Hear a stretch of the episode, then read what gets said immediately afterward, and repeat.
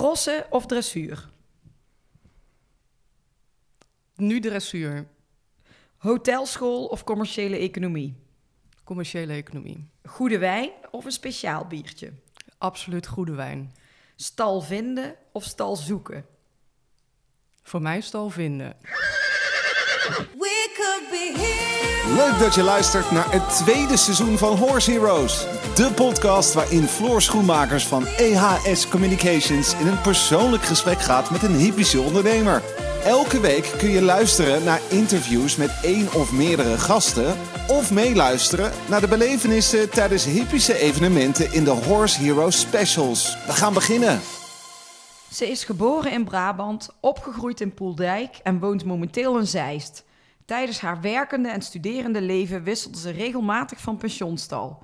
Na wederom een zoektocht naar een geschikte stal concludeerde zij dat het zoeken en vinden van een pensioenstal eenvoudiger moest kunnen. In 2015 was daarmee de eerste versie van de website stalzoeken.nl geboren. Ze is gek op reizen en gezelligheid met goed eten en wijn. Een doorzetter en ervan overtuigd dat haar vaders inzicht en drijfveer een key vormen in het uiteindelijk resultaat in haar carrière. Vandaag aan tafel onderneemster Chantal Weber. Goedemorgen Chantal. Goedemorgen. Het was rustig op de weg, had ik begrepen. Ik denk, eh, ik ga een keer op tijd. Dus ik zat om, dat is voor mij heel vroeg hoor, kwart voor acht in de auto. En eh, ik had even gemist dat heel Nederland vanaf vandaag weer geadviseerd wordt om thuis te Ja. werken. Dus eh, geen file bij Utrecht, niet bij Den Bosch, niet bij Eindhoven. En we waren zo eh, in Weert. Ja, een dag te vroeg. Hè? Ook en een dag te vroeg. Het is weer maandag. Nou ja, gelukkig had ik, had ik hem al voorbereid. Want eh, we hadden allebei een andere datum in de agenda. Maar dat kan ook gebeuren. Chantal, ik vind het hartstikke leuk dat je hier bent. En ik wil eigenlijk graag even... We hebben heel even iets gezegd. Hè? Jij bent van eh, stalzoeken.nl, van een, van een website waar we dadelijk ook meer over gaan vertellen. Maar ik ben natuurlijk vooral eh, benieuwd naar het hele ondernemerverhaal van jou. Maar we gaan eerst terug eh, in de tijd. Mhm. Want als je kijkt waar jij... Jij bent opgegroeid in, in, in Poeldijk. Kun jij mij wat vertellen over jouw jeugd en wat jij met paarden hebt? Ja, ik heb, ik heb een hele relaxte jeugd gehad eigenlijk. Ik ben geboren in Klundert en vanwege het werk van mijn vader zijn wij naar Poedijk verhuisd. Dat ligt net onder Den Haag. En eh, mijn vader had een eh, collega eh, in Berg op Zoom en die had thuis paarden. En zij hadden niet alleen een, een zakelijke relatie, maar ging ook privé veel met elkaar om. En op die manier ging ik als klein meisje natuurlijk mee. En zij hadden thuis een stal en een bak. En eh, ik geloof toen eh, vier paarden of zo aan huis. En eh, het is hun schuld dat ik besmet, Besmet ben ben. met het paardenvirus. Wat deed jouw vader voor werk? Die was directeur bij een bank. En Oh. die, die ging van de ene vestiging naar de andere. En zo zijn we dus in Den Haag terechtgekomen. En daar kwam je dus in aanraking eh, met die mensen, met die paarden en die ponies. Ja, En wat deed jij voor een eh, opleiding? Ik deed eh, natuurlijk eerst gewoon de basisschool. En toen kwam de CITO-toets. En toen werd ik HAVO-VWO getest. Ja. Maar mijn vader zei, allemaal leuk, die testen. Hij zegt, maar jij zit alleen maar op stal bij die ponies. En huiswerk, dat is elke dag een gevecht. ja. Dus die zei tegen die, eh, die eh, docent op de basisschool van... schrijf er maar in op de MAVO, want dat wordt helemaal niks, joh. En eh, dat iedereen natuurlijk verbaasd was van, wat is dat nou? Maar goed, mijn vader kende me goed en die zei...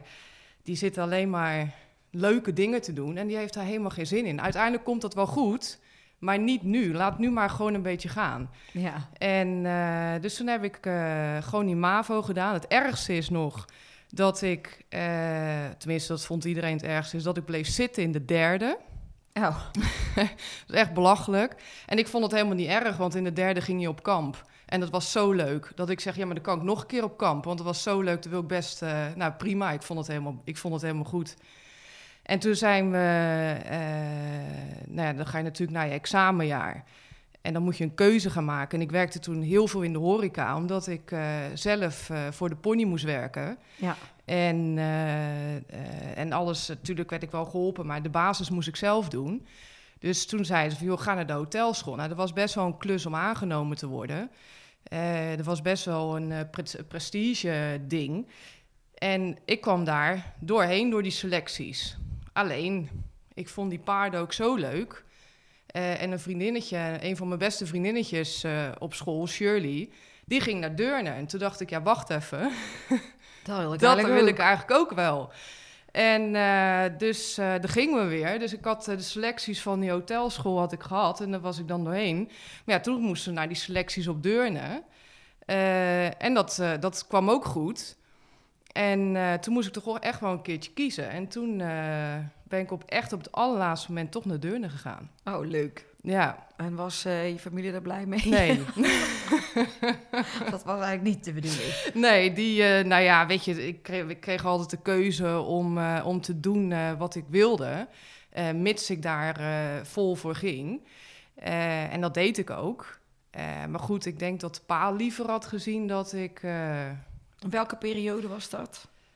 En welke eh, jaartal ja, ja, ongeveer? 97, 98 denk ik. Ja, en hoe oud was jij toen? Toen was ik eh 16 en de zomer dat ik naar Deurne ging, werd ik 17. Oh ja, dus Ja. toch ook wel heel jong eh, ge- eigenlijk eh, gekozen dat je Ja. toch in de paarden wilde gaan Ja. werken eigenlijk. Ja, ik was ja, echt, ja, dan maak je best wel een stap. En dan, als ik naar de hotelschool was gegaan, dan was ik gewoon eh, thuis blijven wonen. En dan eh, was ik 's ochtends met de bus naar school gegaan. En, eh, en nu ging je natuurlijk eh, op maandagochtend eh, heel vroeg met al je spulletjes met de trein naar, naar Deurne. Ja, En dat was, ja, dat was wel avontuur hoor, vond ik toen. ja dat, Dat, snap ik. Maar ja, dat was het eigenlijk ook en wel dat was voor het ook. iedereen die daar zat. Ja. En hoe, hoe lang heb je dat gedaan? Wat, wat gebeurde er in Deurne? Ik heb daar ehm, twee jaar les gehad. En je is natuurlijk een half jaar op, half jaar op stage. Ja. En eh, het eerste jaar ging ik eh, op stage in, eh, in Limburg, in Zwolgen, had ik nog nooit van gehoord. Nee. En bij, bij Ger Poels. ja. En daar ja, heb ik een fantastische tijd gehad. En ja, het was wel keihard werken. hè. Maar ja, ik heb, ik, het leek wel of in één keer in de grote mensenwereld terecht kwam. Weet je, in Den Haag carnaval nooit van gehoord. Eh, en ik begon, eh, ik zat in de tweede helft van, eh, van het schooljaar zat ik op stage. Dus ik kwam daar en ik, toen moest en zou ik mee naar de carnaval. Nou, dat vond ik zo leuk dat ik de rest van de week ook mee, mee ben geweest. Ja. En ja, op, op zaterdag gingen we natuurlijk altijd op concours. En op donderdag altijd oefenspringen. En op zondagavond gingen we naar het Cupke. Ja. Oh ja, En, bekend. ja, weet je, dat had ik voor geen goud willen missen. En eh, ik heb, daar heb ik gewoon superveel geleerd. Super mooie tijd gehad. Ja. En eh, nou ja, toen nog, eh, nog een half jaar school. En toen begon ik wel te twijfelen. Dat ik denk van, ja, dit is wel leuk. Maar Wil ik dit hier het? mijn carrière van wil maken? ik, ja, wil ik dit doen, hè? Of moet ik het toch anders doen? Nou, op een gegeven moment hadden mijn ouders hadden ervoor gekozen om meer de rust op te zoeken. Dus toen verhuisden zij naar Leersum. Eh, met ook in de gedachte, zij zit op die school, die vindt dadelijk een baan en die komt toch niet, meer naar huis. Dus die hadden dat huis gekocht. En, eh, en ik denk drie dagen later ging ik met knikkende knieën naar huis. Ik denk, ik krijg op mijn lazen waar je u tegen zegt. Ja. En ik zei, papa, ik moet je echt iets heel ergs vertellen. Dus hij denkt, er is ergens een bom ontploft of zo. En die zegt, ja, wat dan? Ik zei, ja, papa, ik wil toch stoppen met deurnen en wat anders gaan doen. Ik denk, die wordt gek, hè? ja. En, eh, en die zei, vandaag of gisteren? Oh, echt? Die dacht, je hebt hè, eindelijk dat je denkt van... eh, Ik ga toch een verstandige keuze. Hij zegt, ja, we hebben wel een verrassing voor je... maar wij hebben net een huis gekocht eh, in Leersum. dat ligt wel achter Utrecht. Dus eh, ja, daar zou je wel mee moeten. En, eh, en toen dacht ik, ja, prima, want voorlis dan, dan kan wel je paard in de wei. Maar, en dat was natuurlijk heel belangrijk. En, eh, en toen ben ik meegegaan. En toen eh, werd het allemaal eh, een beetje serieus. Ja. Maar wat ben je toen gaan doen? Vanaf daar? Nou ja, toen werd ik. werd, we- mijn vader vond prima. Die zegt best als jij stopt met die opleiding. Maar je, je zorgt ervoor dat je een diploma haalt. Dus, en hoe je dat doet, dat interesseert me niet als je me regelt. En toen ben ik naar het uitzendbureau gegaan. En toen hadden ze een, eh, een, eh, een, eh, een job bij de, bij de bank. En toen dacht ik, nou, dat is wel gaaf, hè? Want mijn vader achterna, haha. En het was met de tijd van de eurowisseling. Maar ik, ja, dus ik werd er aangenomen en toen hebben we die eurowisseling gedaan. En toen dacht ik wel echt van... wat is dit? Ik vond het, ik vond het suf. Weet je, ik Ja. vond het gewoon saai. Ja. Dus toen gingen we weer terug naar het uitzendbureau. En toen ben ik bij een eh, commercieel bedrijf eh, terechtgekomen in de printers. En eh, toen ging ik de goede kant op. En het was ik 19 trouwens. En die mensen, die directeur, die zei van... joh, we nemen je aan. Hij zegt maar, wij gaan er wel voor zorgen dat jij je hbo-diploma gaat halen. Want die heb je straks gewoon nodig. En dat de gefreewheel is hartstikke leuk. Maar het is nu wel tijd om een keer echt wat te gaan doen. Dus zij hebben dat ook heel erg gestimuleerd om die, eh, om die eh, opleiding te doen in deeltijd. Ja. Dus ik ging twee avonden in de week naar Amsterdam, naar de Hogeschool van Amsterdam, eh, om commerciële economie te doen. En die heb ik uiteindelijk gehaald. Ja. Maar ook best wel pittig op jonge leeftijd dan eigenlijk. Dat je dan al zo eigenlijk aan het werk bent en het studeren. En je had ook nog een paard. En ik had ook nog een paard. En ja. reed je toen ook weer wedstrijden en zo Ja. met het paard? Ja. En wat? Deed je dressuur of springen? Eh, ik reed toen eigenlijk eh, eh, al eventing. Had daarvoor had wel dressuur en gesprongen. En toen kwam ik via via was er een crosscursus werd er georganiseerd. ja. Dus dan door diegene heb ik me daarop ingeschreven. En ik vond het eigenlijk zo leuk. En dat paard vond het ook heel leuk. dat, ik dat, dat ik dat deed. Dus dat was best wel heftig, om het, om het zo te zeggen. Dus en werken, en, eh, en die studie, en op concours. En als je, nou ja, eventing reed, was je echt wel de hele dag onderweg. ja. En, eh, en dan alles er nog bij. En dan moest je natuurlijk ook nog op stap. Dus het was, dat was Ja, wel... Want je bent 19, hè? Dus dat ook. Het was een vrij drukke periode, ja. Maar toen woonde je bij je ouders Ja, in die periode. En had je daar je paarden daar staan? Of jou, je had één paard toen. ik had er één, ja. En had je die aan huis staan? Nee, of ook nee. al ergens op een stal? Ja, die had ik al op pensionstal. En eh, nee, zij hadden gewoon... Zij, nee, zij hadden de veronderstelling dat ik toch niet eh, thuis zou komen wonen. Dus die hadden gewoon een huis in de woonwijk. Ja.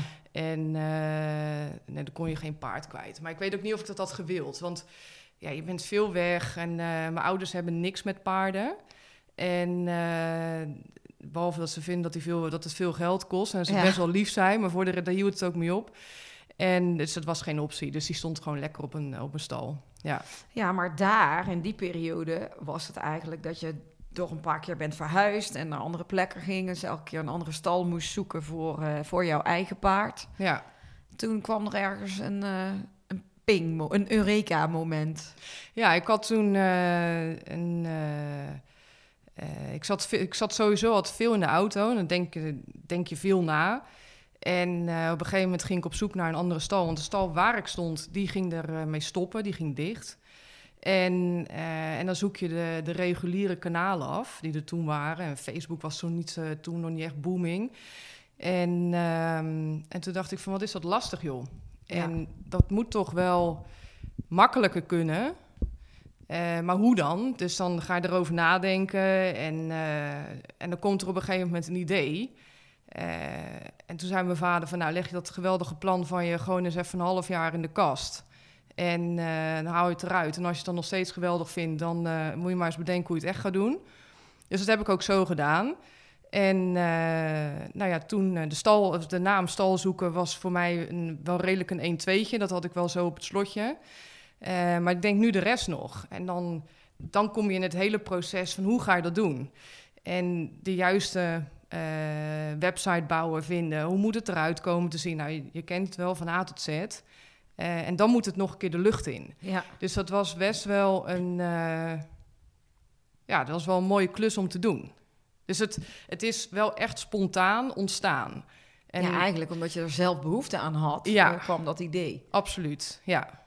Maar ja, je hebt toen een, je hebt, heb je echt een beetje een plan gemaakt, echt het ook best wel al uitgeschreven wat je wilde, dat je, voordat je het in de kast legde, zeg maar. Ja, ik had wel, ik had in grote lijnen uitgeschreven. Dus ik, ik was nooit zo van, eh, eh, ook op school niet hoor, de stukken van eh 50, 100, weet ik hoeveel pagina's. Nee. Dus eh, kort en bondig. En uiteindelijk heb je dat wel uitgewerkt, want ja, anders wordt het wel een heel plat verhaal. Maar dus ik had het wel concreet klaar liggen, ja. Nou ja, en toen in 2015 kwam de eerste versie eh, online, toch? Ja, ja. En hoe, hoe is dat gegaan? Ja, ik heb toen ehm, eerst eh, bedacht hoe ik het ongeveer wou hebben. hè. En, eh, en ik denk, er moet iets zijn waardoor eh, het mensen dus... Wat, wat gaat het heel makkelijk maken voor mensen eh, om te zoeken en iets te vinden? En waar het eigenlijk overal aan ontbrak, was dat je niet kan zoeken... eh, de combinatie van waar je wil zoeken... dus bijvoorbeeld eh, de afstand vanaf je huis of vanaf je werk... En hoeveel kilometer mag dat zijn? Weet je, dat bestaat wel. Maar niet in combinatie met wat je daadwerkelijk zoekt. Dus je faciliteit of je diensten of wat dan ook.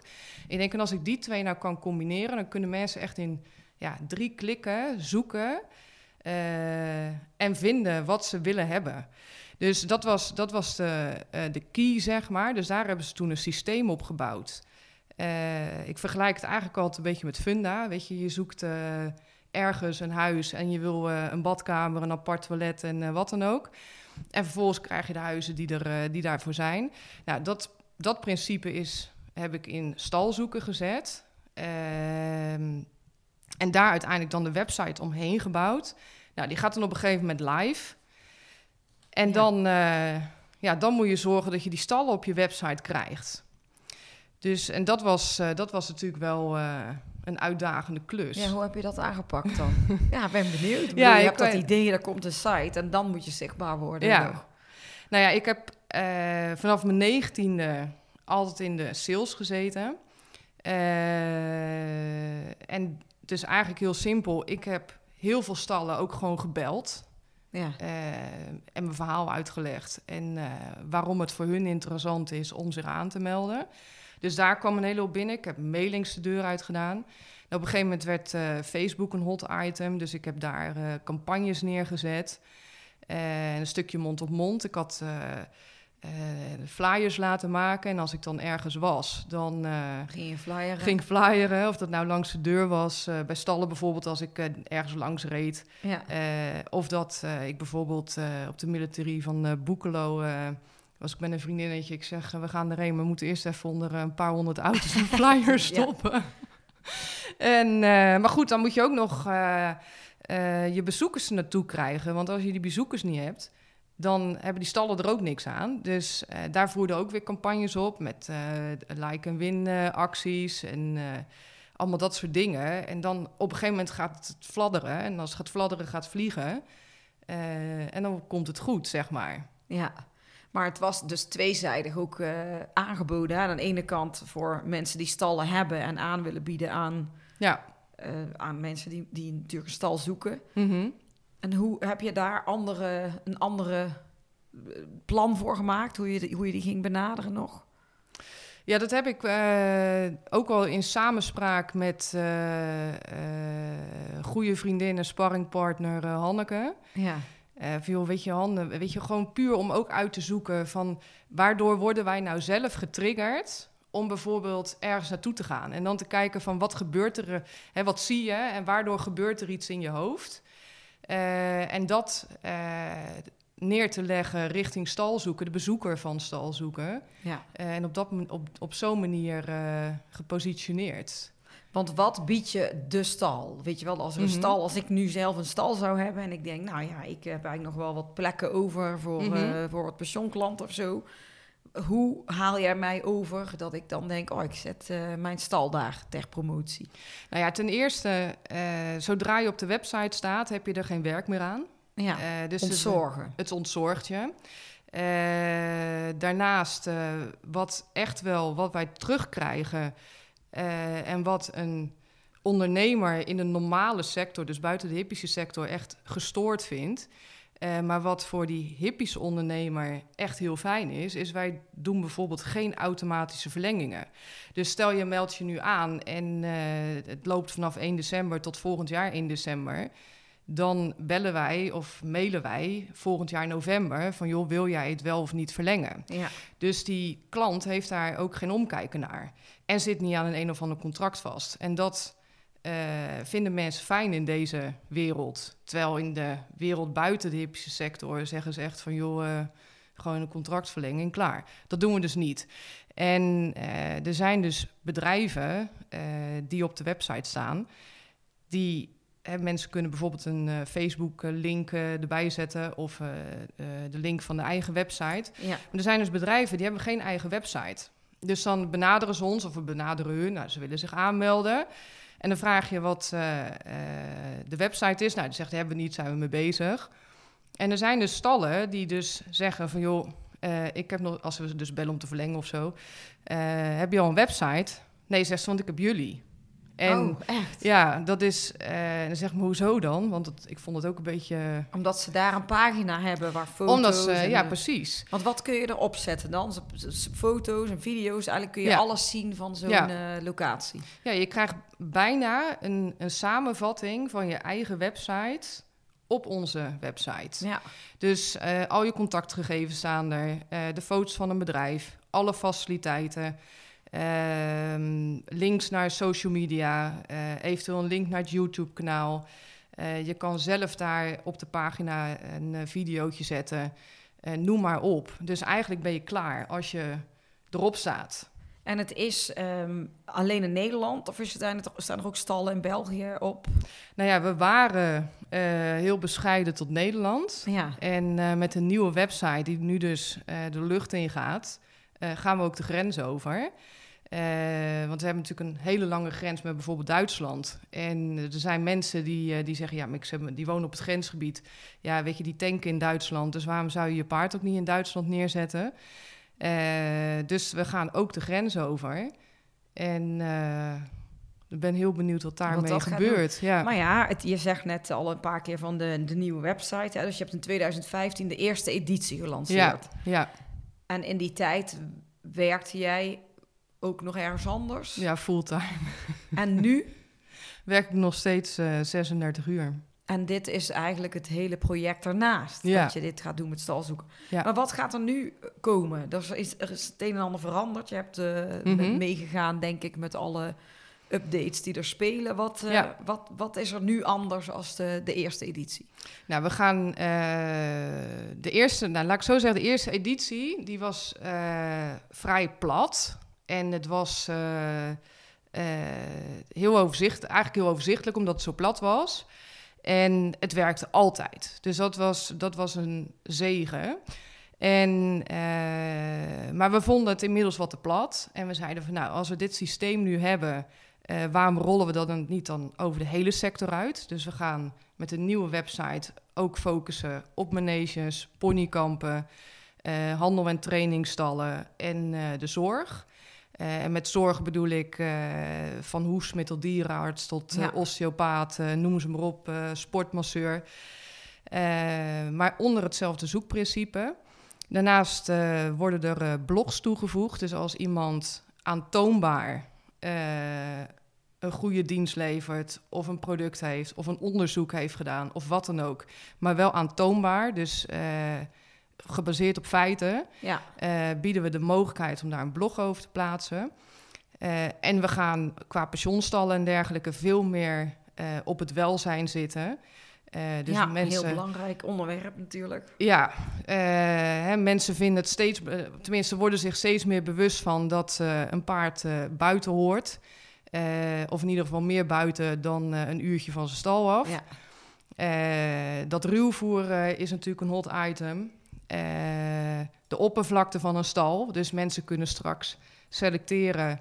Eh, stel, ze willen bijvoorbeeld eh, minimaal een stal van eh, 12 vierkante meter, ik noem maar iets. En dan kunnen straks de stallen aangeven hoe groot de boksen zijn. Of bijvoorbeeld hoeveel uur per dag een paard naar buiten gaat. Of dat er slow feeders in de stal zijn. Of dat er onbeperkt ruwvoer is. Ja. Noem het maar op. Dus het is... ja, het wordt wel ietsje groter dan dat het was. Nou ja, eigenlijk kan je dus als dat je een stal zoekt, gaan kijken in welke regio en een soort verlanglijstje van dit en dit en dit vind ik allemaal belangrijk. En dan krijg je een overzicht Ja, wat er dan eh, aan aanbod is. Ja. Het is serieus een beetje funda-achtig, ja. ja. Leuk. Dus het, eh, het wordt veel groter dan wat het is. Het, de look en feel eh, lijkt in de verste verte niet op het oude systeem. Nee. Eh, en het is gewoon veel groter en veel completer. Ja, en eh, je achterban, wat vinden ze ervan? Die zeggen, kijk maar wat je doet. ja. Nee, die vindt dat, weet je, die, zijn, die is zelf ook hartstikke druk.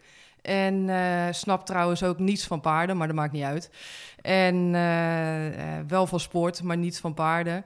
En die zeggen, joh, als, als dit is wat je wil, dan, dan moet je dat vooral doen. En veel succes ermee. Ja, nou leuk. Ik ben wel, ik vind het- het gewoon leuk om te zien wat de veranderingen allemaal zijn. En dat je Ja. toch in daarin ook heel goed mee kan gaan in dat stukje eh, paardenwelzijn, denk ik ook. Hè? Dat ook Ja. wel belangrijk is dat je dat in je site goed laat zien. Wat is voor jou eh, de grootste gok die je ooit hebt genomen? Poeh, de grootste gok. Jeetje. Ja, weet ik niet. Poeh, daar moet ik over nadenken hoor. Ja, maar iets met de site misschien, dat je toch dacht, eh, naast je werk, dat je toch dit bent gaan doen, naast de bestaande sites? Nee, ik ben niet er- zo bang. Ik ben niet zo bang aangelegd. En het is, ehm, en natuurlijk, eh, het kost allemaal heel veel geld. Ehm, maar dan zeg ik, ja, geld is maar geld. En natuurlijk moet het er zijn, hè. Eh, maar ik hecht er geen waarde aan. En het is, ja, ik word daar niet bang van of zo. Kijk, en stel dat, stel dat het mislukt, nou ja, weet je, dan heb ik het in elk geval geprobeerd. En heb ik het gedaan. Eh, en ik wil niet eh, dadelijk eh 80 zijn en denken van, nou, ik had dat idee, maar ik heb het eigenlijk nooit gedurfd. Nee. Dus ik vind niet snel iets, ehm, een hele grote gok. Hoe reageerde je vader hierop? Ja, die was misschien wel iets sceptisch, omdat het in de hippische sector zat. Eh, maar die had wel zoiets van: als je dit wil doen, moet je dat doen. Kijk, ik heb dat. eh, het risico nemen en, eh, en ook wel eens een gokwagen. Ja. Dat heb ik natuurlijk niet van een vreemde. En dat is er wel eh, met de paplepel ingegoten. Van ja, als je wat wil bereiken, dan zou je het ook moeten doen. En eh, ja, dan mi- mislukt het tien keer, maar de elfde keer gaat het wel goed. Ja. Dus, eh, en wat heb je te verliezen? Ja. ja, maar dat is ook iets wat jij eh, ook een beetje aangaf. Hè? Van opgeven is geen optie. Of een andere route kiezen wel. Wat, eh, waar heeft dat mee te maken? Ja, dat, eh, dat, je kan wel een plan hebben eh, en een heel duidelijk doel. Alleen, so- en dan natuurlijk moet je wel eens een keer zeggen van... joh, ik heb nu iets bedacht en dat gaat hem gewoon niet worden. En dan een streep erdoor, maar dat is het ook prima. Maar soms wil route A niet werken, terwijl je wel naar de finish wil. En eh, route C of D eh, kan wel. Nou ja, dan moet je je plan wijzigen en een andere route volgen... om toch bij hetzelfde doel terecht te komen. En is dat iets wat jij hebt ervaren met de hele ontwikkelingen binnen, binnen stalzoeken ook, bijvoorbeeld? Nou ja, ik had toen ik eh, zeg maar de ruwe versie in 2015 lanceerde, toen kwam daar vrij snel op een, wel een wijziging. En ik had daar eigenlijk de lijnen niet strak genoeg van gezet. Ik was eigenlijk veel te aardig voor dat, eh, voor dat, eh, voor dat bureau wat het ontwikkelde. Ja. En eh, terwijl ik altijd wel heel streed ben in wat ik wil en wat ik, en wat ik zeg en wat ik doe. Weet je, zit, ja, je, ik zeg altijd maar zo, je weet altijd wel waar, waar je aan toe bent. Ja. En dat had ik toen niet gedaan. En dat vond ik eigenlijk zo stom, dat ik denk, je, hebt het, je roept het altijd. En nu moet je het, heb je het kunnen doen en dan heb je daar eigenlijk in verzaakt. En nou ja, dat heeft wel geresulteerd dat ik nu dus zeg van nou, dit is hoe ik het voor ogen heb. En zo gaan we het doen. En eh, dat ik veel korter op de bal zit nog. ja, maar dat is denk ik ook gewoon het stuk ondernemen. Dat je Ja. bepaalde dingen, daar heb je weer van geleerd. Dat je op, op zo'n manier er toen mee om bent gegaan. Ja, En eh, dat nu heel anders doet. ja. Maar ehm, ik, jij hebt ook aangegeven hè, van jouw vader, eh, die heeft de, de uiteindelijke lancering van stalzoeken n- eh, niet meer mee mogen Nee. maken.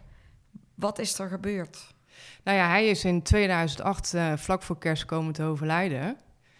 En eh, ja, dus dat, toen lag het plan al in de kast. Ja, Nou ja, dus dat, dat heeft hij nooit mee mogen maken.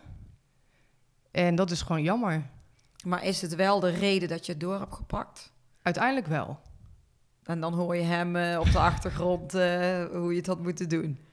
Ja, ik denk het wel. Ik denk dat hij altijd stiekem wel eh, een vinger in de pap heeft. Ja, maar je mist hem behoorlijk, hoor ik. Maar ja, dat begrijp ik. Volgens mij veel indruk gemaakt op jou. Op jou ook, zie ik. Ja, nee, ja, maar goed, dus heftig als je dat zo... Maar ehm, als jij terugkijkt in jouw hele carrière... Hè, wat is het meest memorabele moment geweest?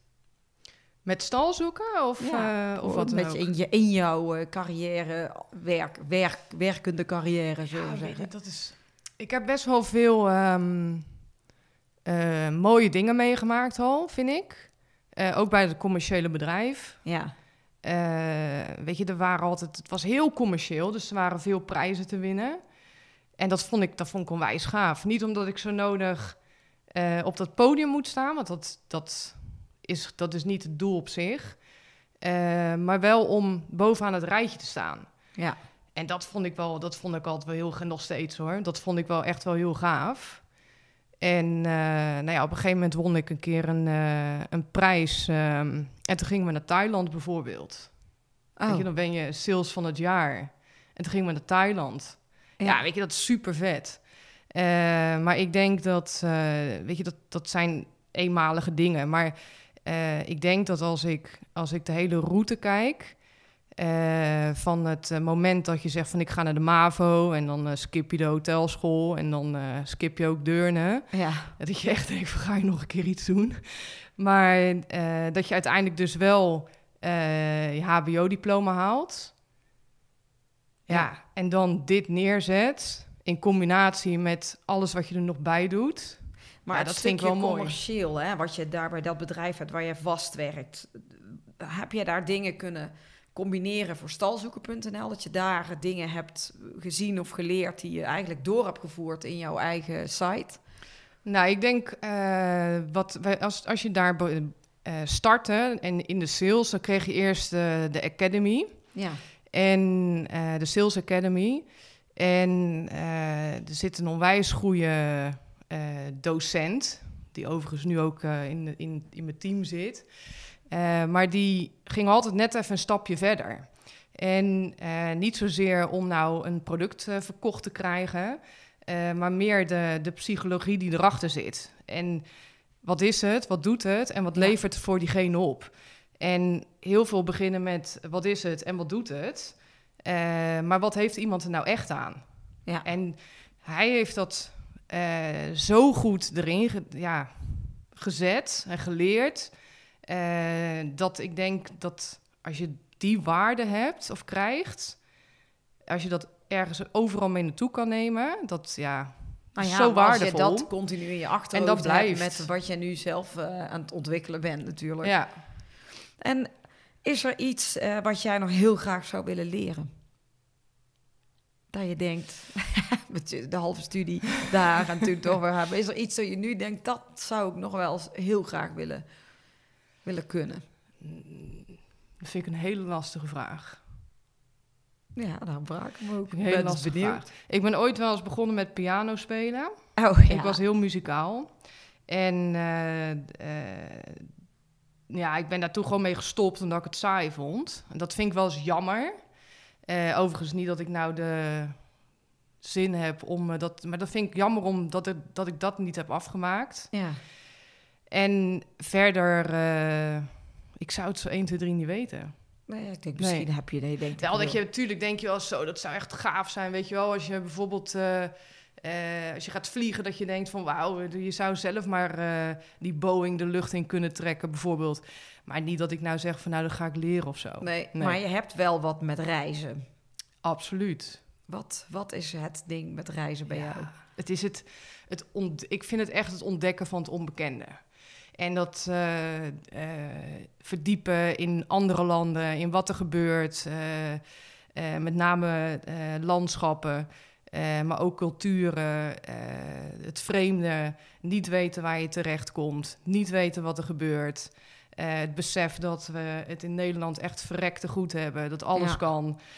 Dat het, dat het echt niet vanzelfsprekend is dat er vers water uit de kraan komt. Noem het dan maar op. Ja, en dat, dat vind ik wel heel erg gaaf om elke keer weer te ervaren. En is dat iets wat je van je vader hebt, dat reizen ook? Was dat een reiziger? Ja, maar dat, eh, die bleven veel binnen Europa. Ja. Ja, en wel een keer naar New York of zo. Maar eh, dat was natuurlijk ook een andere tijd. En het, het wordt nu natuurlijk wel heel makkelijk gemaakt om overal en nergens terecht te komen. En dat, eh, ja, dat, vind- dat ja.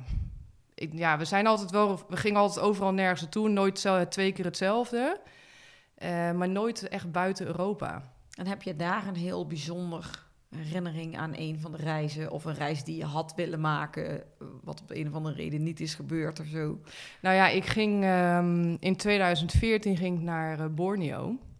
En met het motto om daar eh orang-oetangs te zien in het wild. Oh, echt? Alleen? nee, was wel georganiseerd.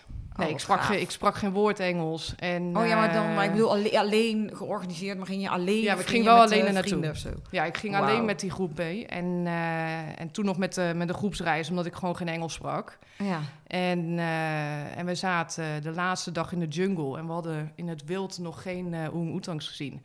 Het was heel vroeg en we zouden eigenlijk eh, die ochtend eh, eh, vertrekken om naar de volgende plek te gaan. En die gids die, eh, die zei eh, tegen onze eigen gids... Joh, eh, wie was nou die griet eh, die voor die orang-oetangs kwam? En ja, zegt ze, die, die zegt, joh, we gaan. Hij zegt, maar zeg niks, want voor hetzelfde geld is het weg. En dus zijn we met, ik geloof, drie of vier man in het bootje gestapt. Zijn we die rivier weer opgegaan. En op een gegeven moment legt het bootje stil, motor uit. En hij zegt, hier heb je een verrekijker. Hij zegt, en daar moet je zijn. En toen zaten daar dus een papa, mama en een baby orang-oetang Oh, wat gaaf. in een boom. En dat was, ja, weet je, dat is zo uniek. Ja. En er, wordt, er is al zoveel kapot gemaakt daar. Eh, dus dat je dit ziet, die kans is zo klein. En Ja. het gebeurde. Ja, Ja. te gek. Dat is te gek. Ja, dat snap ik. Ja, maar ook dat je dan ziet hoe het eh, in andere landen Ja. eraan toe gaat. En eh, wat hier nou allemaal speelt. Natuurlijk, met het, eh, wat je zegt, dat zoveel kapot is gemaakt daar. Dat lijkt me best wel heftig als je het Ja, echt met eigen ogen ziet ook. ja, En wat heb jij met eh, intuïtie? Je bent heel intuïtief. ja. Hoe Nou ja, weet ik je kan, dat? Ja, dat, dat is denk ik ervaring. In het begin dan denk je van, eh, dan, dan zeg je innerlijke ik, eh, ik zeg altijd mijn innerlijke ik, Ja. die zegt dan van, nou, misschien is het niet zo'n goed idee. En dan doe je het toch en dan zeg je achteraf, nou, mijn innerlijke ik zei dat het niet een goed idee was, dus misschien moet je daar beter naar luisteren. Nou, dat gebeurt dan vaak, je krijgt, of een, bepaald gevoel wat je ergens bij krijgt, van eh, dat is wel goed of dat kun je beter zus doen of zo doen. Ehm, dat ontstaat. In het begin vertrouw je daar niet op natuurlijk, want dan denk je, ja, kan toch niet of eh, eh, kan toch niet kloppen of wat dan ook. En eh, uit, als je wat ouder wordt en er wat meer over nadenkt en iets beter oplet als er wat gebeurt, ja. dan ontstaat dat. En op een gegeven moment durf je daar ook beter op te vertrouwen. En, eh, ja, en dat vind ik wel een prettig eh, gevoel. Maar ik weet dat jij best iets eh, bizars ooit hebt meegemaakt. Ook met een reis die niet doorging. dat had ook daar wel iets mee van doen. Ja, maar dat is de schuld van mijn moeder. Ja, maar dat wil Maar je dat is wel het- vertellen. Ja, dat is wel een heel bizar verhaal. En ik ben, al, ik ben wel heel blij dat, ehm, dat een paar vriendinnen van mij eh, eh, dat verhaal kenden voordat het gebeurde. Want het is natuurlijk een, het is een verschrikkelijk verhaal. En, eh, want anders denken mensen van, joh, tuurlijk, pff, zoveel van die verhalen gehoord. Maar gelukkig heb ik het er met vriendinnetjes over gehad. En ik, dat ging over die reis naar, naar Borneo. En dat, dan vlieg je eerst op Kuala Lumpur. En ik ben 18 juli ben ik jarig. En ik wilde de reis boeken van 17 juli eh, met Sawade. En eh, dus had ik aan vriendinnen verteld. Ik zei, nou, ik zeg, ik ga naar eh, Borneo en eh 17 juli ben ik weg. Doei. Ja. En toen op een gegeven moment belde mijn moeder me op en die zegt eh, van, eh, ik wil dat jij niet eh 17 juli gaat. Ik zeg, wat een onzin. Wat een, hoezo, weet je? Ze zegt, ik heb daar helemaal geen goed gevoel over. En by the way, ik wil dat jij gewoon je verjaardag thuis viert. Ik, vind, ik heb daar helemaal geen zin in. Dus ze gooide het op die verjaardag. ja. En, ehm, maar ja, ik had al een optie op die reis. Dus ik had hem niet definitief geboekt. En eh, eh, dus ik zei, ik zei, wat een gezeik. En eh, ik zei, nou, ik denk er wel over na. En het was in mei of zo. En met vriendinnetjes erover gehad. Ik zei, wat een onzin. En dus ze zeiden op een gegeven moment, zeiden ze, joh, weet je... als je moeder dat nou wil, doe dat dan gewoon. En er zat ook best wel een prijsverschil tussen als ik drie weken later zou gaan.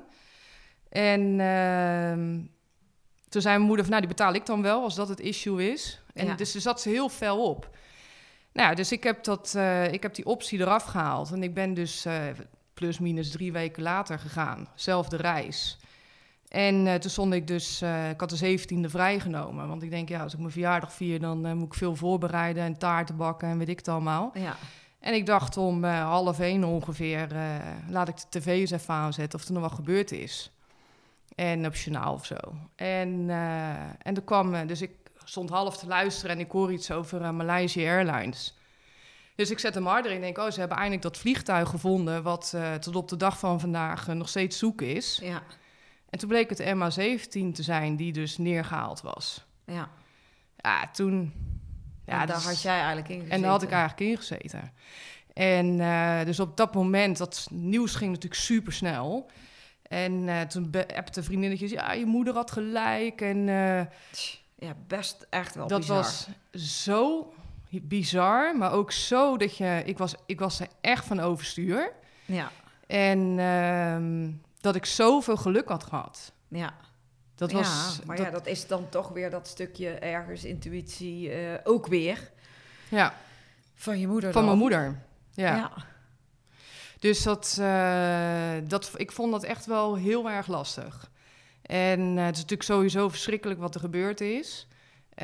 Maar het besef dat je daar dus bij had kunnen zijn, ja. die kwam wel echt even binnen. Ja, dat snap ik. Maar ja, dat was ook, eh, ja, dat was natuurlijk mega heftig die tijd. Ja. En ik denk inderdaad dat je soort van eh, door het oog van de naald bent gekropen Ja. uiteindelijk daar. Het, enige, ja, het enige, om het nog een beetje luchtig te maken. Ja, eh, sindsdien luister ik wel beter naar mijn moeder. Dus als ze zegt, eh, doe maar dit nou, of moeder, dat. dat is dan weer een voordeel. Dat is het voordeel. Als ze iets zegt en ze zegt het echt serieus, dan denk ik van, nou, misschien heeft ze een punt. misschien moet ik goed beter naar mijn moeder luisteren. Ik ook- Uiteindelijk. Luistert ze Uiteindelijk, beter ja. naar de moeder. Nee, leuk. hey, ik heb even ook nog... we gaan even naar een stukje muziek. Eh, uiteindelijk ook. Ik wil van iedereen altijd weten wat eh, een speciaal nummer was voor iemand. En jij hebt eh, een, eh, ook een nummer doorgegeven. Kun je daar iets over vertellen? Ja, dat is On My Way Home van Enya. Tuurlijk, weet je, er komen altijd wel nummers voorbij dat je denkt... Oh, dat vind ik een mooie plaat of, of wat dan ook. Ja. En die blijven dan even hangen en daarna gaan ze weer en dan komt er een andere plaat. Eh, maar dit nummer is, eh, ja, ik denk toen ik 15 was of zo, eh, stond op een cd'tje. En die, dat is blijven hangen. En ik heb dat altijd een heel mooi nummer gevonden. En ik draai het altijd, echt mega melancholisch hoor, dit. Maar dan, als ik dan terug ga, het vliegtuig in, dan doe ik mijn oortjes in en dan gaat het vliegtuig starten en dan draai ik dat nummer. En dan denk ik van... Naar huis. Naar huis. En ik, hebben een mooie reis gemaakt. Nu weer naar huis en dan eh hop. ja, jij bent wel heel sterk met thuis en met familie. En, eh, ja. Ja, mooi. Dat is toch ook goed. het is buiten mooi, maar thuis is ook goed. En thuis is het beste. Het beste. Eigenlijk, Ja. uiteindelijk.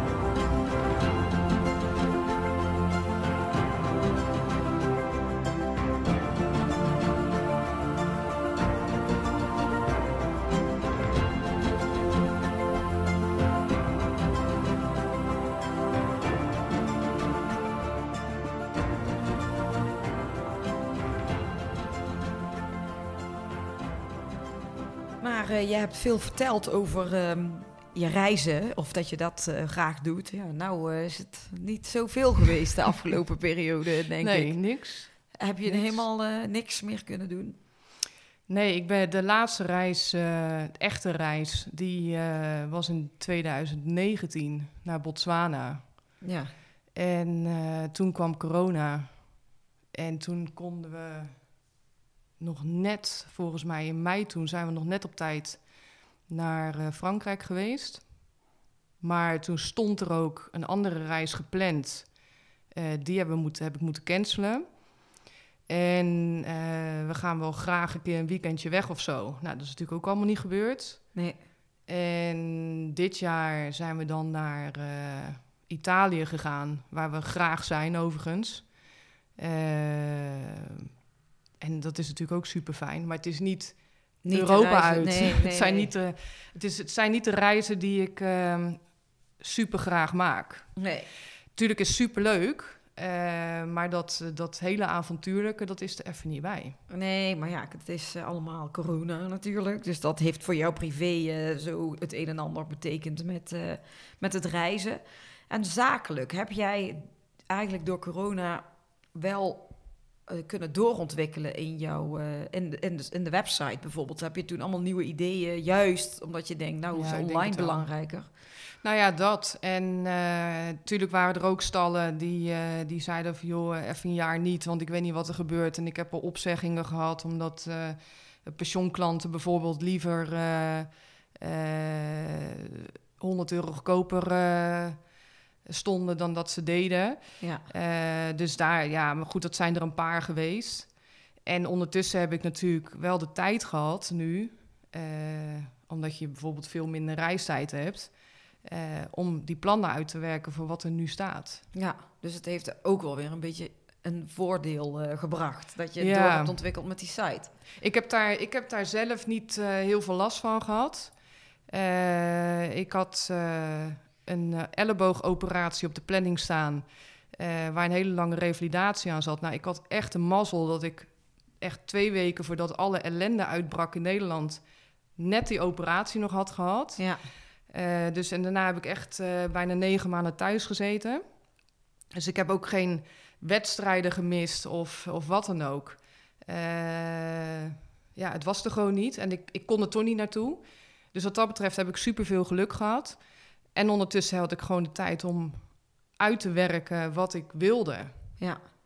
En wat ben jij nu met je paard eh, aan het doen? Heb je wel ook nog daar dingen op de planning met eh, evenementen of wedstrijden? Of... Ja, dat is, dat is wel de bedoeling. Maar ik heb vorige week wel even besloten dat het heel eventjes een pas op de plaats. Ja, Eh, ik kan echt wel veel tegelijk. Maar om, om nu per se op wedstrijd te moeten, even niet. Nee, maar dan beter dat je op, op naar evenementen toe gaat, gewoon als persoon, om daar te netwerken op die manier. Ja, nou ja, dat bijvoorbeeld. En eh, eh, tijd maken om dus mensen te spreken. eh, ook bijvoorbeeld voor die blogs. Ja, Mensen die daarin geïnteresseerd zijn, om daar veel meer contact te leggen. Eh, weet je, daar maak ik dan nu veel meer tijd voor dan dat ik eh, met een paard op pad moet of zo. en wat staat er eh, op de planning de komende periode met, eh, met de site? Wat je gaat doen? Ga je, ben je in beeld op evenementen ook? Of eh, ga je gewoon veel onderweg? Of ga je veel doen online? Wat, eh, Ik wat- ga met name eh, veel online doen. Ja, in samenwerking met jullie natuurlijk ook. En ja, we gaan eerst lanceren, dat is één. Het moet nu nog even af. En Ja. dat even, dat is echt nog wel de laatste puntjes op de i. Maar eh, daarna, dan, hè, met die lancering, eh, gaan we starten met een hoop social media. Eh, er gaat bijvoorbeeld een kaart de deur uit. Dat doen we bewust over de post. Want Ik, Ja. merk wel, ik merk wel dat mensen steeds vaker graag iets tastbaars in handen hebben. Dus ik ga niet alleen maar via de mail dingen zitten doen. En ik wil echt die mensen gewoon bereiken.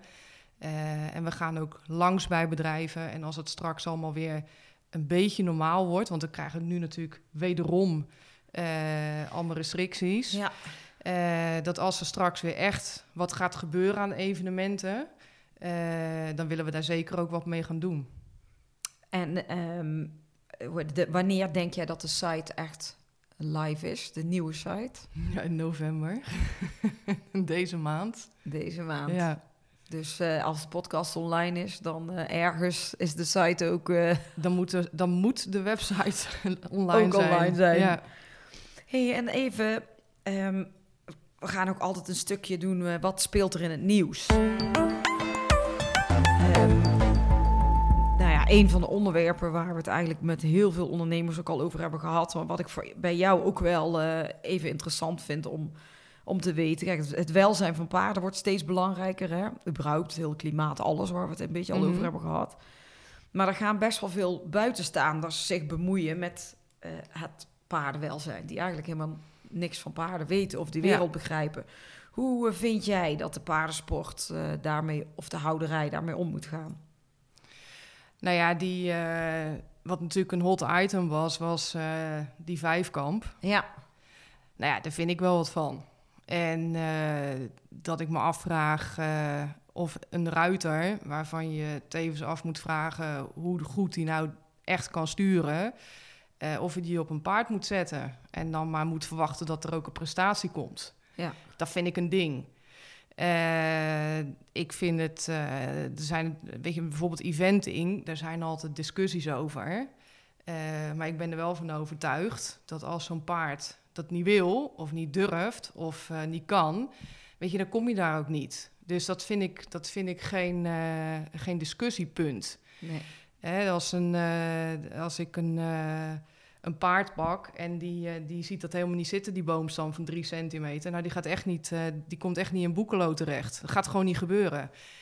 Dus dat, dat vind ik wel een ding.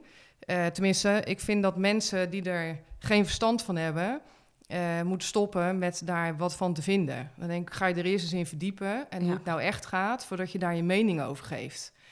En dat, eh, dat vind ik wel, eh, ja, ik snap dat er een hoop op, ophef over is. Wat ik wel een, een terechte discussie vind, is de manier hoe wij paarden willen houden. En dat er ja, regelmatig door gebrek aan kennis fouten gemaakt worden, bijvoorbeeld. Maar goed, eh, er zijn ook een heleboel mensen die eh, wel op de goede weg zijn. En een, wat ik bijvoorbeeld benoem met die website is eh, hoeveel ruwvoer krijgen ze op een dag? Of hoeveel uur komen, kunnen ze naar buiten? Of hoe groot is die stal? Of, eh, Ja, maar daar ben jij heel factoren. bewust met, met stalzoeken.nl ook op ingegaan. Op de, over, om dat paardenwelzijn aantoonbaar te maken Ja. bij die stallen, toch? ja. ja, ja. slim. En er zullen ook echt wel stallen zijn die daar niet heel blij van worden. Nee, Maar goed, eh, als we met de sector de goede richting op willen, ja, dan moet je Eh, ook even in de spiegel kijken. dan moet er ook wat gebeuren. Ja, En op, hè, als wij dat goed voor elkaar hebben met z'n allen, dan heeft die buitenwereld ook weer minder te roepen. Die er geen verstand van heeft. ja. Nou, leuk. Ik ben benieuwd dadelijk eh, hoe het allemaal gaat werken met, met die filters en zo ook. Ehm, we gaan bijna naar het laatste onderdeel in de podcast. Het is de vragenpot. Maar ehm, ik ben eigenlijk ook nog wel heel even als laatste benieuwd. ehm, ja, wat zou jij de komende jaren nog heel graag willen doen? Als we een paar jaar verder kijken, wat kunnen we dan verwachten? Met stal zoeken? Ja, met stalzoeken. Nou ja, ik wil eerst eh, dit neerzetten. eh, wat we nu eh, aan het lanceren zijn. ja, en bevestigd krijgen. Eh, dat wil ik ook continu blijven verbeteren. Dus als, eh, als ik op een gegeven moment denk van nou dat moet net even anders, dan, eh, dan ga ik dat aanpassen. Ik wil ook veel meer dat hele verhaal compleet krijgen. Dus als een bezoeker komt, dat hij niet alleen voor een pensionstal komt, maar ook voor een manege en ook voor een ponykamp. Of als hij een bed and breakfast zoekt waar hij met zijn paard naartoe kan, ja. dat hij ook bij ons terecht kan. Maar ook voor onze buitenland of onze eh, vakantiegangers, zeg maar, of eh, mensen die eh, uit het buitenland hierheen komen en een plekje zoeken, dat die ons ook weten te vinden. Dus dat dat veel meer internationaal wordt dan alleen maar binnen de landsgrenzen van nu. En dat staat echt wel op de planning voor de, voor de komende tijd. Dan moet je een Engelse naam eraan gaan hangen. Bijvoorbeeld, ja. Ook. Over, hij wordt dadelijk overigens wel ook Engelstalig en Duitsstalig. Ja. Dus eh, die stap maken we alvast wel. Eh, maar er zal op een gegeven moment ook al een, eh, een schilletje overheen moeten met een, een andere naam nog. Maar leuk, maar ja, dus mensen die op zoek zijn naar iets in paardenland, eh, Ja. wat je net allemaal noemde, hè, dat is misschien ook wel leuk dat mensen even feedback kunnen geven. Dat is voor jou sowieso denk ik wel handig. Ja. Nou, wat, we hebben natuurlijk sowieso van die, van die tools op de website draaien waar mensen hun mening kunnen geven. Ja. Dat hebben we al. Eh, wat we absoluut niet doen, is dat bijvoorbeeld pensioenklanten of een manegeklant of wat dan ook een recensie kan achterlaten. Dat willen we absoluut niet. Eh, er zijn te veel meningen. Ja. En eh, er zijn hele andere goede platformen waar ze dat wel kwijt kunnen. Ja. maar, maar niet bij ons. Nee. Maar eh, ze mogen wel suggesties gewoon Ja. mailen. Nou, via verbeterpunten. Van bijvoorbeeld, wat eh, ja. mis je of wat zou nog beter. Nou, leuk. Dus, maar dat kan. Via ik ben de, benieuwd. We moeten gewoon gaan even ook gaan kijken bij stalzoeken.nl. We gaan naar het laatste stuk. Dat is de vragenpot. Oh, je hebt echt een vraag. Ja, zeker. Een hele mooie. Ja. Ik denk, je gaat zo meteen loten voor een cadeautje of zo. Nee, jij gaat hier een, eh, een vraag uittrekken. Een paar. Die mag je voorlezen en een antwoord op geven. Eén voor één of om en om? Wat, hoe wil je het hebben? Ja, één voor één. één voor één. Hoe lang ben je ooit achter elkaar wakker geweest? Wat is dit voor vraag?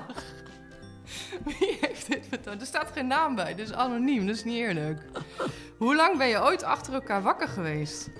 Nou ja, er, er zijn wel tijden geweest dat ik eh, echt eh, te veel, eh, bijvoorbeeld drie dagen achter elkaar op stap ging. Ja. Maar een, een, we hadden het natuurlijk met oud en nieuw. Als je jong bent, dan zeg je, ja, we gaan een nachtje door. Nou, één garantie, dat, dat red ik niet. Dat gaat niet. Ik heb geen idee hoe. Eh, ik weet het echt niet. Ja, in, in ieder geval een nacht. Nou, een nacht, het red, ja, makkelijk. En dan drie nachten achter elkaar ook. Maar tussendoor moeten wel even de oogjes dicht, hoor. Anders komt het niet goed.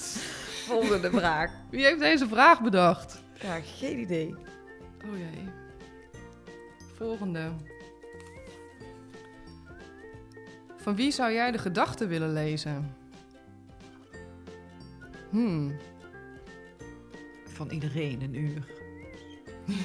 nee. Dus volgens mij word je dan helemaal gek. Van wie zou je de gedachten wel eens lezen, willen lezen? Jeetje. Eh, nou, weet je, ik kijk, je kijkt natuurlijk altijd naar die, naar die, eh, die persconferentie nu met corona. Ja. En dan, eh, dan zie je die, dat gezicht van, van Rutte met al zijn mededelingen. En dan denk ik, wat, dan denk ik soms wel eens, een- dan, soms heeft hij echt in een split second, dan vertrekt dat gezicht. Ja. En dan denk ik wel eens van, ja, wat, wat, wat denk je Wat denk jij nou echt? weet je wel? Goeie, ja. Dat, eh, maar hij houdt altijd goed eh, natuurlijk zijn kop in de plooi. Maar soms denk ik wel eens van... eh, Wat hmm, denk jij? Ja, Mhm. dat zou ik eigenlijk ook wel willen. Ik doe mee als je dat... Ja, wil je, wil je die ook? Zullen we hem bellen straks? ja. Nou, nog eentje, ja? Ja, nog eentje. Zit er ook wel heel veel in. In welk tijdperk had jij wel willen leven? Ja, dan ga ik toch voor de VOC-tijd. Waarom? Wat? Ja, het, het is... ehm, kijk, er zijn natuurlijk ook een heleboel dingen gebeurd die het eh, daglicht niet verdragen. Maar ehm, ik vind het ook wel een, eh, een eh, inspirerende tijd. Hè, met, eh, met die handelsschepen. En eh, we gaan naar het onbekende en we gaan kijken wat er te halen valt. Even los, nogmaals, los van alle dingen die het daglicht niet verdragen. Eh, maar dat vond ik, vind ik een hele fascinerende tijd. Wat grappig dat je daarover begint. Heel toevallig had mijn dochter van negen een toets.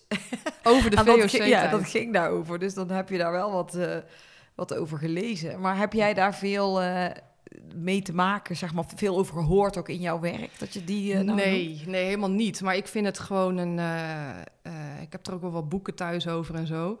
Maar ik vind het gewoon een. Ik vind het een boeiende tijd. Ik vind het echt span, ik vind het spannend. Ja. En ja, dat die mensen dus gewoon op, ja, eigenlijk op avontuur gingen. En voor de handel en met een scheepje. En ja, en naar ver weg gingen. Ja, dat vind ik wel. eh, dat vind, ik vind het een mooi tijdperk. Ja, maar het vertelt ook wel weer een beetje over jou met het reizen en het vreemde. En het Ja. dat, dat snap ik dat je dat Ja, ook, ik vind het wel eh, ook spannend, interessant wel. vindt. Ja, leuk. Ja. Nou, ik vond het eh, hartstikke leuk, want we zitten gewoon alweer op een uur. En jij denkt in het begin, hoe dan? Maar dat gaat dus zo snel. Ik, vind, ik vond het hartstikke leuk om jouw verhaal te horen en wat meer de persoon achter de website. Want ik denk dat dat eh, voor mensen ook wel leuk is om te horen. Wat zit er nou voor iemand achter? Waarom ben je zoiets gaan doen? En wat heb je zelf met paarden? Wat heb je zelf met ondernemen? Dat heb je eigenlijk denk ik allemaal wel heel goed kunnen vertellen. En we hebben aan het einde ook altijd eh, nog een leuke giveaway. Dus de vraag is natuurlijk, heb jij dat ook? Tuurlijk, tuurlijk, tuurlijk. Ik heb, we hebben natuurlijk twee soorten eh, klanten, om het zo te noemen. Degene die je stal, bijvoorbeeld een stal zoekt en degene die zijn eh, bedrijf plaatst op de website. Ja. Eh, dus we doen eh, twee dingen. Eén is een eh, statiedeken met het nieuwe logo. ja, oh leuk. Dus daar doen we er één van.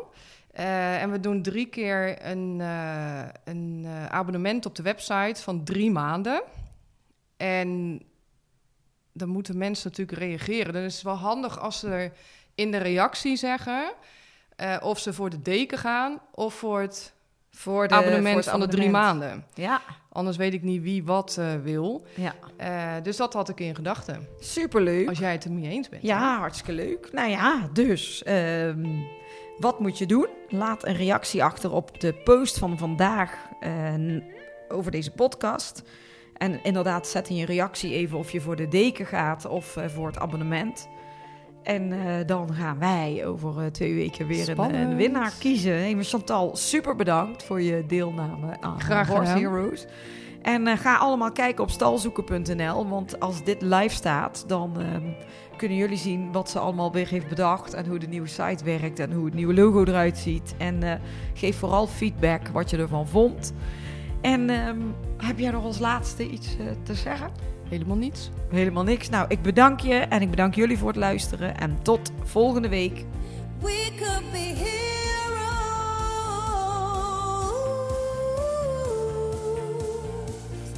Dit was hem weer, de Horse Heroes podcast. Wil je meer weten over Floor, haar bedrijf of deze podcast? Kijk dan even op de website van ehscommunications.nl. En wat je ook zeker even moet doen, is je abonneren op deze podcast om geen enkele aflevering te missen. Het zou helemaal top zijn als je dan meteen een beoordeling achterlaat. Tot volgende week!